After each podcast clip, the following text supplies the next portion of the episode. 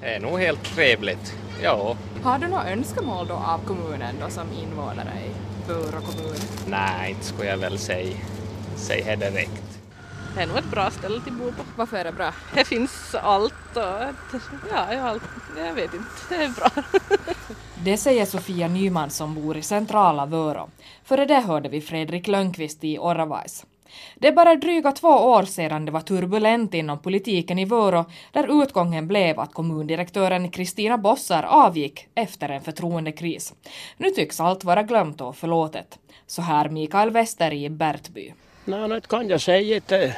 Bara det nu får det knall och garn och så de håller på så var det bra. Då tycker man ju att det har ju varit lite turbulent den här senaste perioden för fullmäktige. Ja, men det ska väl vara så det om det ska rulla på nu. Jag tycker det, det måste bestämmas som eh, samtycke. Vi, vi kan inte gräla här i små kommuner. Säger Kai Mäkelä som för sex år sedan flyttade från Seinäjoki till Maxmo. Att få lockat nya invånare till Vörå har inte varit det lättaste de senaste åren, men man tycks inte ha förlorat så många Vörobor heller. Åren 2010 till 2015 har invånarantalet hållits på ungefär samma nivå och prognosen fram till 2030 visar en knapp ökning. Fredrik Lönnqvist som vi hörde i början av inslaget, han flyttade till Oravais för att driva en livsmedelsbutik för ett år sedan. Så finns det också de som valt att bo annanstans under studietiden och sedan flyttat hem för närheten till familj, släkt och vänner. En av dem är Madeleine Sippus. Riktigt bra. Vad är det som är så bra här? Nära till allt. Har du några önskemål då till, till kommunens ledning eller någonting vad gäller Vöra? Ja, alltså äldreomsorgen, att vad heter nu inte så mycket sparåtgärder? Mm, ja, de skulle inte få skära ner vården allt för mycket. Det säger Börje Rai i Karvat. De senaste åren har det debatterats huruvida man skulle slå ihop Reipelt, Koskeby och Rökiö skolor eller om man ska renovera Koskeby skola.